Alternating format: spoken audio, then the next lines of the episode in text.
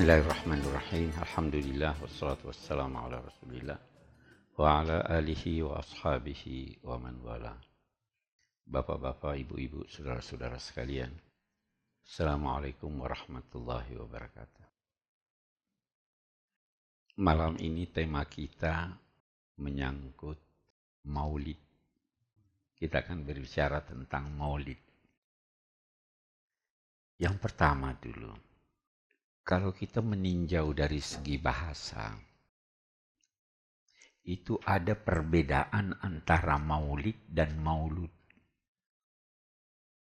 Maulud itu asalnya dari maulud. Dalam bahasa Indonesia lantas diperpendek maulud. Maulud itu adalah anak. Ruzik tubi maulud orang Arab berkata. Saya mendapat rezeki berupa maulud anak. Seseorang yang dilahirkan. Walad dalam bahasa Arab itu anak, baik laki-laki maupun perempuan. Sebabnya kalau kita baca Qul huwallahu ahad, Allahu samad, lam yalid, tidak beranak. Bukan hanya laki-laki atau perempuan. Kalau laki-laki, zakar. Kalau perempuan unsa.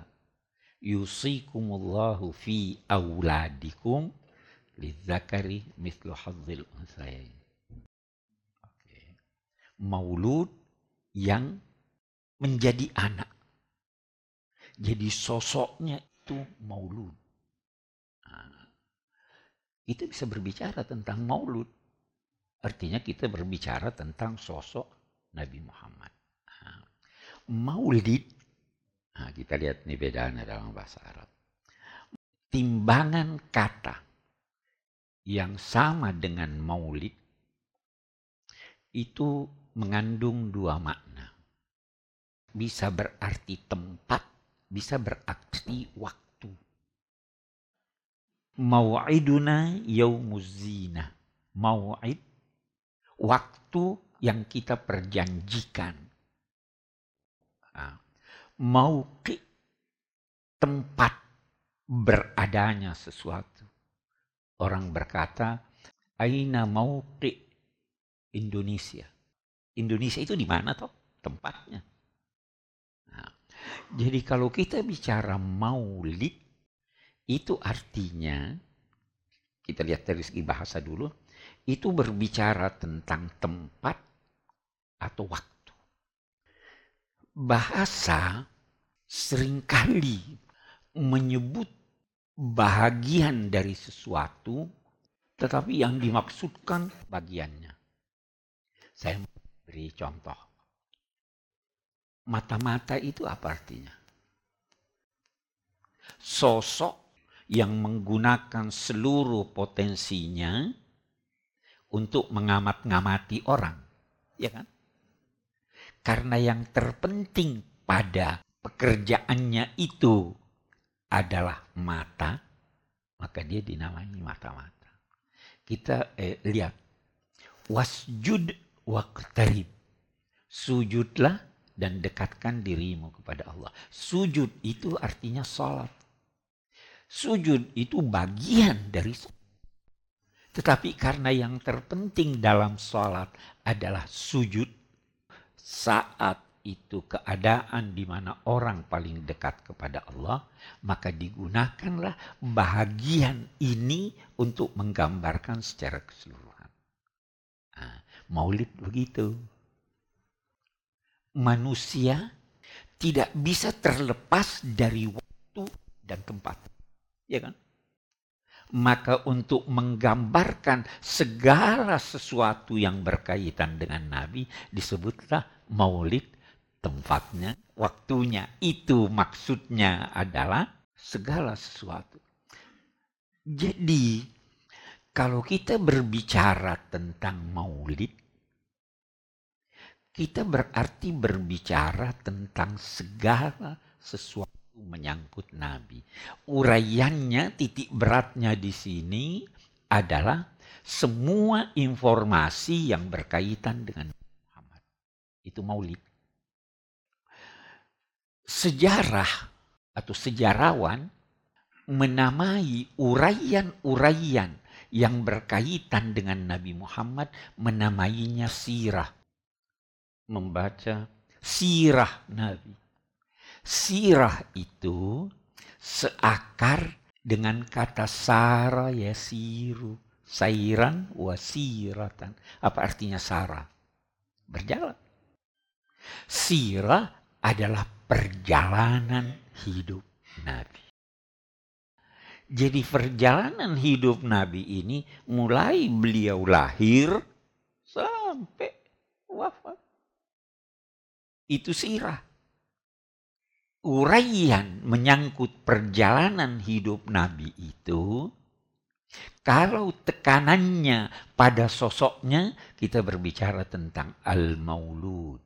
Maulud, sosok. Kalau kita berbicara tentang informasi-informasi yang diterima berkaitan dengan perjalanan hidup Nabi itu kita namai maulid. Ya kan? Kita melangkah. Sejarawan berkata man wa'at tarikha fi sadrihi adafa umran ila umrihi. Maksudnya apa? Kalau Anda bisa menangkap, bisa membayangkan sejarah dalam benak Anda, maka Anda telah menambahkan usia melebihi usia Anda. Benar tak itu? Saya tahu, saya bisa bagaimana itu dulu ya, Pangeran Diponegoro, di mana ini, di mana ini, ya. Saya seakan-akan hidup pada masa itu. Dari mana? Karena saya tahu sejarahnya.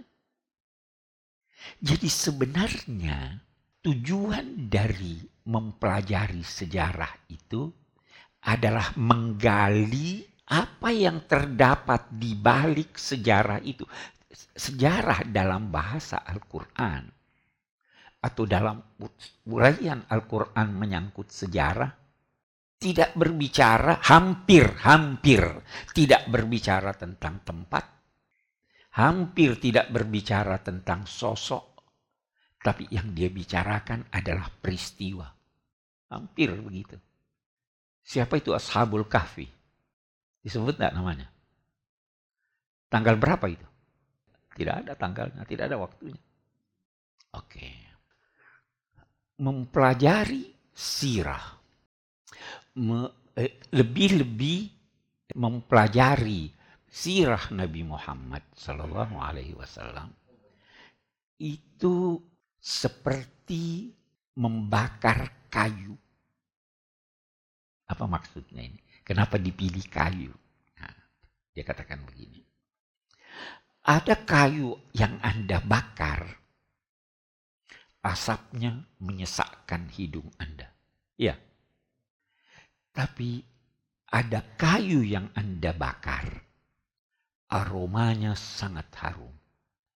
Ini.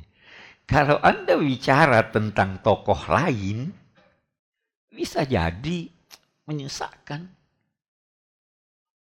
Tapi kalau kita bicara tentang Nabi Muhammad, itu aromanya sangat harum. Itu kita bicara tentang Sallallahu Alaihi Wasallam. Karena itu orang berkata, semua sosok, semua uraian yang Anda tangkap, Anda uraikan, Anda bicarakan menyangkut sosok siapa pun, maka yang bersangkutan yang Anda bicarakan semakin terhormat. Iya. Tapi kalau Anda bicarakan Nabi Muhammad, dia tidak tambah terhormat. Udah sampai puncaknya, gelasnya udah penuh. Sehingga aromanya yang kita dapat. Kita yang terhormat karena berbicara tentang beliau. Nah, uraian menyangkut eh, maulid ini tadi sangat banyak. Banyak sekali tapi campur baur. Ada yang benar, ada yang salah. Ya. Ada yang dilebih-lebihkan, ada yang dikurangi. Itu dalam maulidnya Habib Ali itu benar sekali. Mahma tafannana wasifuhu fi wasfihi yafna zaman wa fihi malam yusafi. Betapapun hebatnya orang menguraikan tentang Nabi ini, betapapun banyaknya, habis waktu ini masih ada yang tidak sempat diuraikan. Karena itu ada seorang penulis di Mesir, otodidak. Saya kira dia tamat SD saja. Tapi hebatnya luar biasa. Dia berkata apa? Jangan pernah berusaha merangkul gunung anda tidak bisa rangkul gunung. Orang pun yang melihat Anda merangkul gunung akan berkata sia-sia usaha ini. Kalau mau, tunjuk aja dari jauh. Itu lebih bermanfaat daripada merangkulnya. Ah, dia bilang, kalau kita mau bicara Nabi Muhammad, itu jangan rangkul. Anda tidak bisa rangkul. Tunjuk aja. Ini begini, ini begitu, dan sebagainya. Oke. Okay ada pertanyaan. Kapan mulainya uraian, pembicaraan, pembahasan menyangkut maulid? Kapan itu dimulai? Kita sering mendengar bahwa itu dimulai pada masa Salahuddin ya. Itu tidak benar. Membicarakan Nabi. Sejak zaman sahabat sudah dibicarakan. Iya enggak? Sebelum kelahirannya sudah dibicarakan bahwa akan ada sosok yang namanya Muhammad. Jadi sebenarnya terlepas mau rayakan atau tidak namanya. Ini sudah dibicarakan jauh sebelum kelahiran Nabi Muhammad. Secara umat Islam, secara khusus mulai eh, membicarakan, membahas tentang maulid, tadi sudah kita artikan apa artinya maulid, sejak mereka mempelajari Al-Quran. Bagaimana itu? Di Quran ada uraian tentang Nabi. Ada kan uraian tentang Nabi. Mereka sudah bicarakan waktu itu. Ada ayat yang berbicara tentang peperangan Nabi. Ada ayat yang berbicara tentang istri-istri Nabi.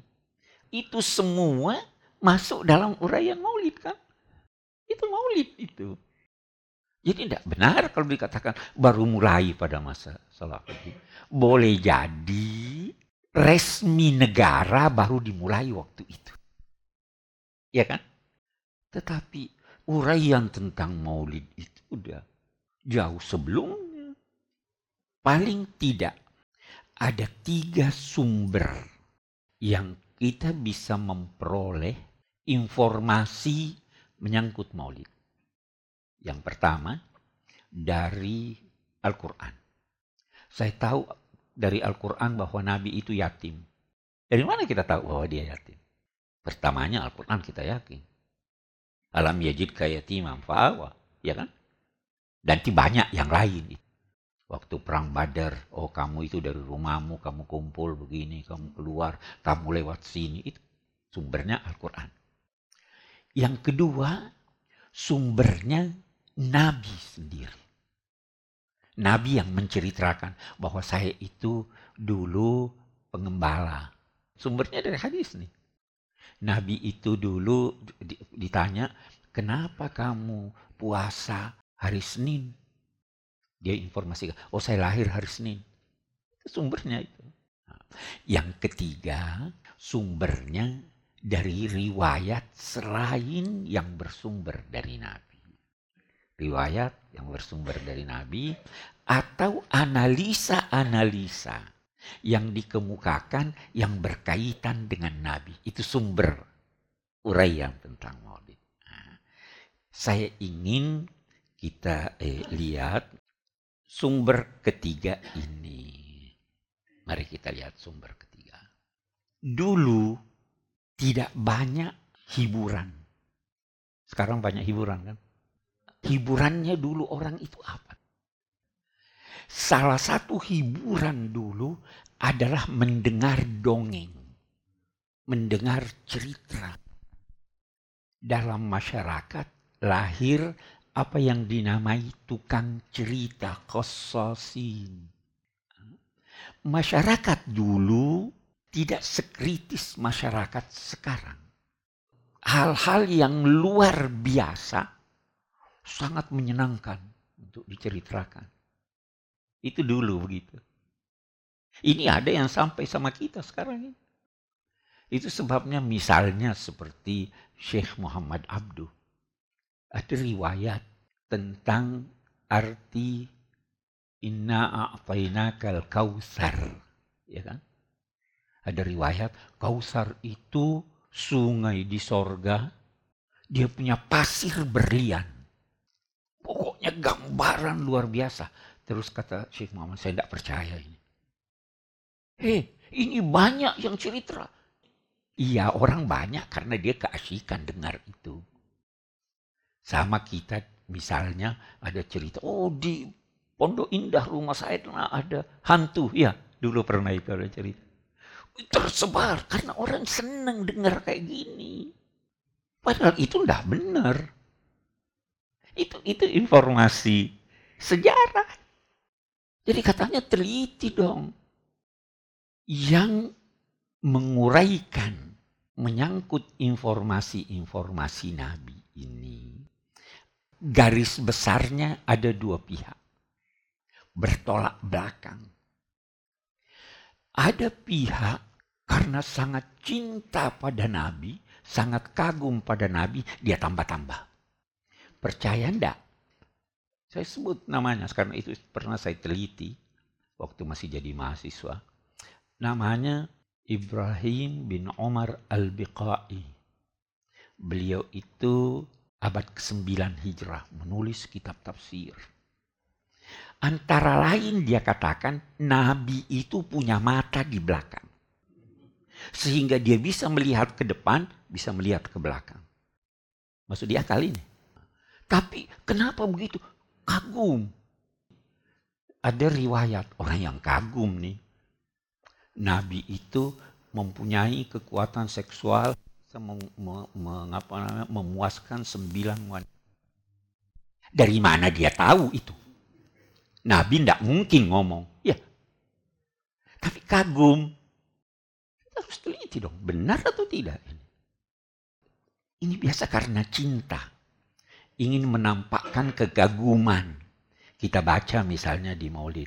Waktu Nabi lahir itu, di tahun itu semua yang lahir laki-laki. Dari mana dia tahu ini? Ya kan kita baca kan itu loh. Tapi kenapa? Kagum. Ditambah-tambah lah. Nah, sebaliknya ada orang yang benci. Dia bikin juga cerita. Itu ceritanya begini.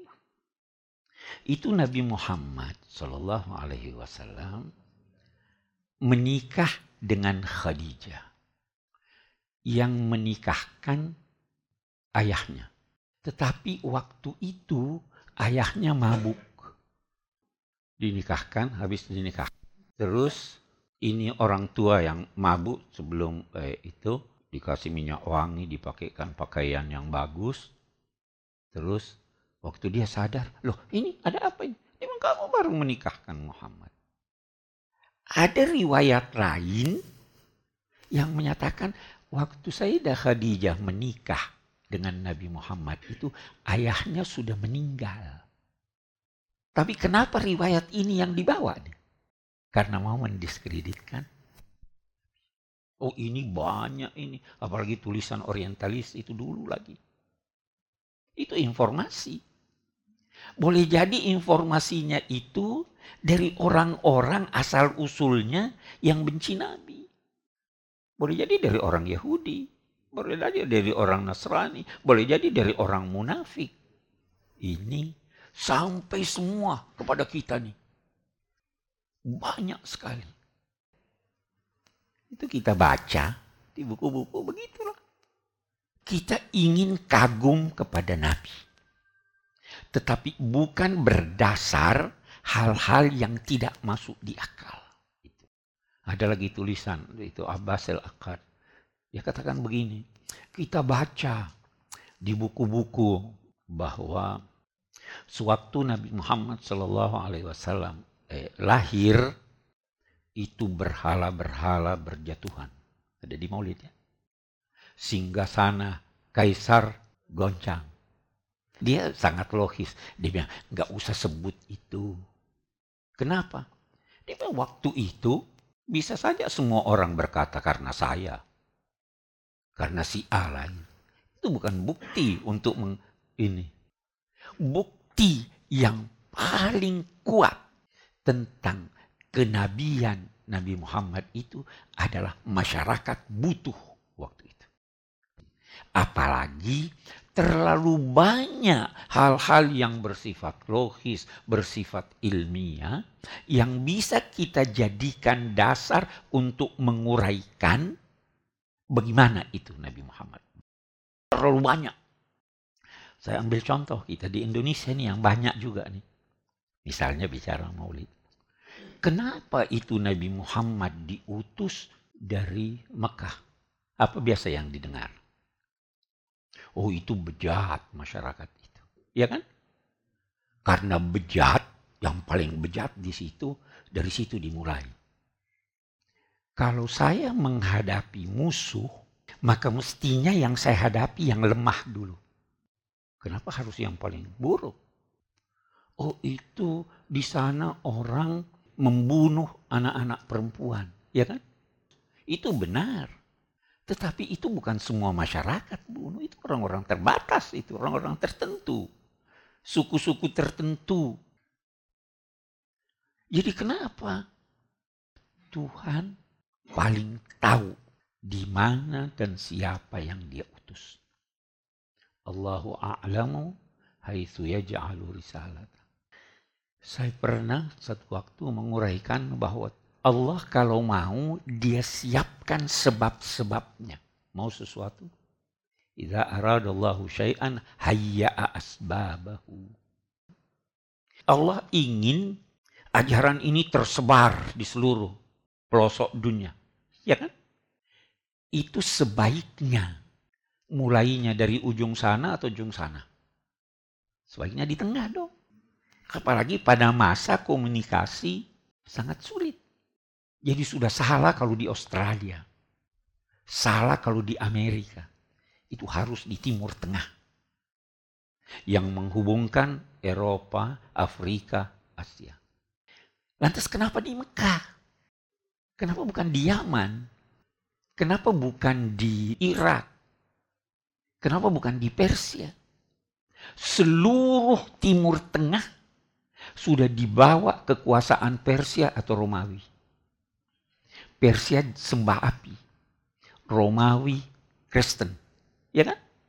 Kalau dia ada di bawah kekuasaan Romawi, baru muncul udah ditebas.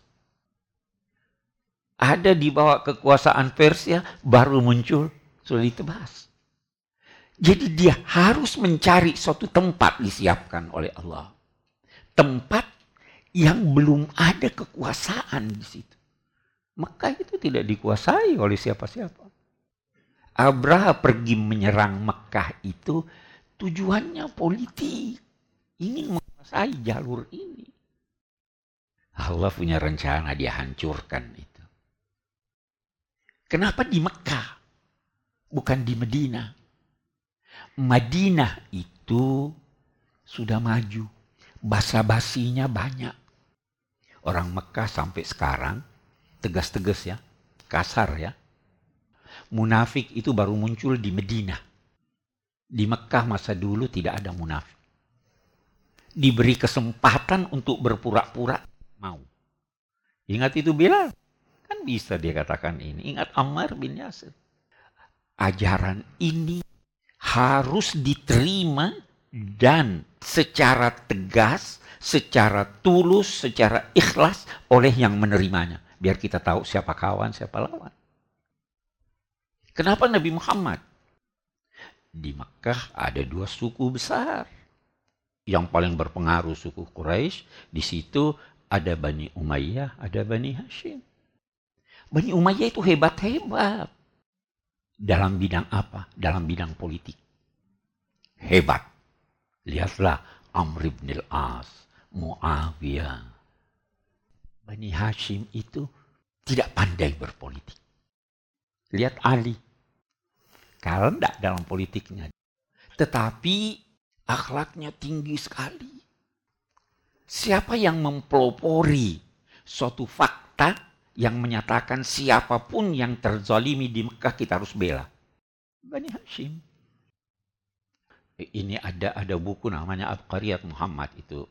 Dia bilang itu eh, ketua Hashim gagah-gagah turunan Umayyah itu tidak segagah. Gagah juga tapi tidak segagah. Kira-kira siapa yang lebih wajar untuk ditampilkan mengajak orang untuk untuk beragama? Ya, itu logikanya begitu. Tapi saya kembali orang dangkal lantas bicara begini, begini, begini. Kenapa Nabi ke Madinah? Kok hijrahnya ke Madinah? Itu ada sebabnya dipilih oleh Allah. Kenapa? Yang pertama, keluarga Nabi itu di Madinah. Jadi ada pembelanya di sana. Sejak Hashim itu kawin dengan orang Madinah, satu perempuan janda namanya Salma. Salma ini orangnya cantik, tapi punya kepribadian yang sangat kuat. Bagaimana dia? Sudah banyak yang lamar dia, dia tidak mau. Hashim dari Mekah satu hari dia lihat di pasar, wah ini boleh juga ini. Hashim dia punya kakek-kakek terkenal. Jadi dia mau diterima, diterima oleh Salma, tapi dengan syarat talak saya yang talak, bukan kamu yang talak. Saya mau ke Mekah dengan syarat kalau saya mau melahirkan kamu harus di Medina. Bani Najjar. Ingat Nabi, waktu meninggal ayahnya, ibunya bawa dia ke Madinah untuk mana? Untuk ketemu keluarganya kan. Jadi wajar enggak dia hijrah ke Madinah? Wajar. Yang kedua, orang Medina itu ahli perang. Orang Mekah bukan ahli perang. Pedagang itu Mekah. Perang terus. Aus Khazraj berpuluh tahun. Ini agama bisa di suatu waktu harus membutuhkan orang-orang yang pandai berperang. Di Medina, Nabi disambut. Orang Medina bergaul dengan orang Yahudi, orang Yahudi sudah selalu bilang satu waktu akan datang Nabi. Kalau kita berperang dengan kamu, kita pasti karena Nabi itu memihak kita. Begitu Nabi Muhammad datang, ya, kita dului orang Yahudi, mari kita percaya Medina itu lokasinya itu sangat strategis. Hanya di bagian utara yang orang bisa masuk. Timur dan barat curam sekali. Itu sebabnya waktu perang Khandak yang digali itu eh, hanya di bagian barat. Jadi sangat strategis. Allah atur biasa kedangkalan pemikiran, eh, subjektivitas menjadikan uraian-uraian menyangkut maulid itu tidak logis. Nah ini kita harus pandai-pandai nih baca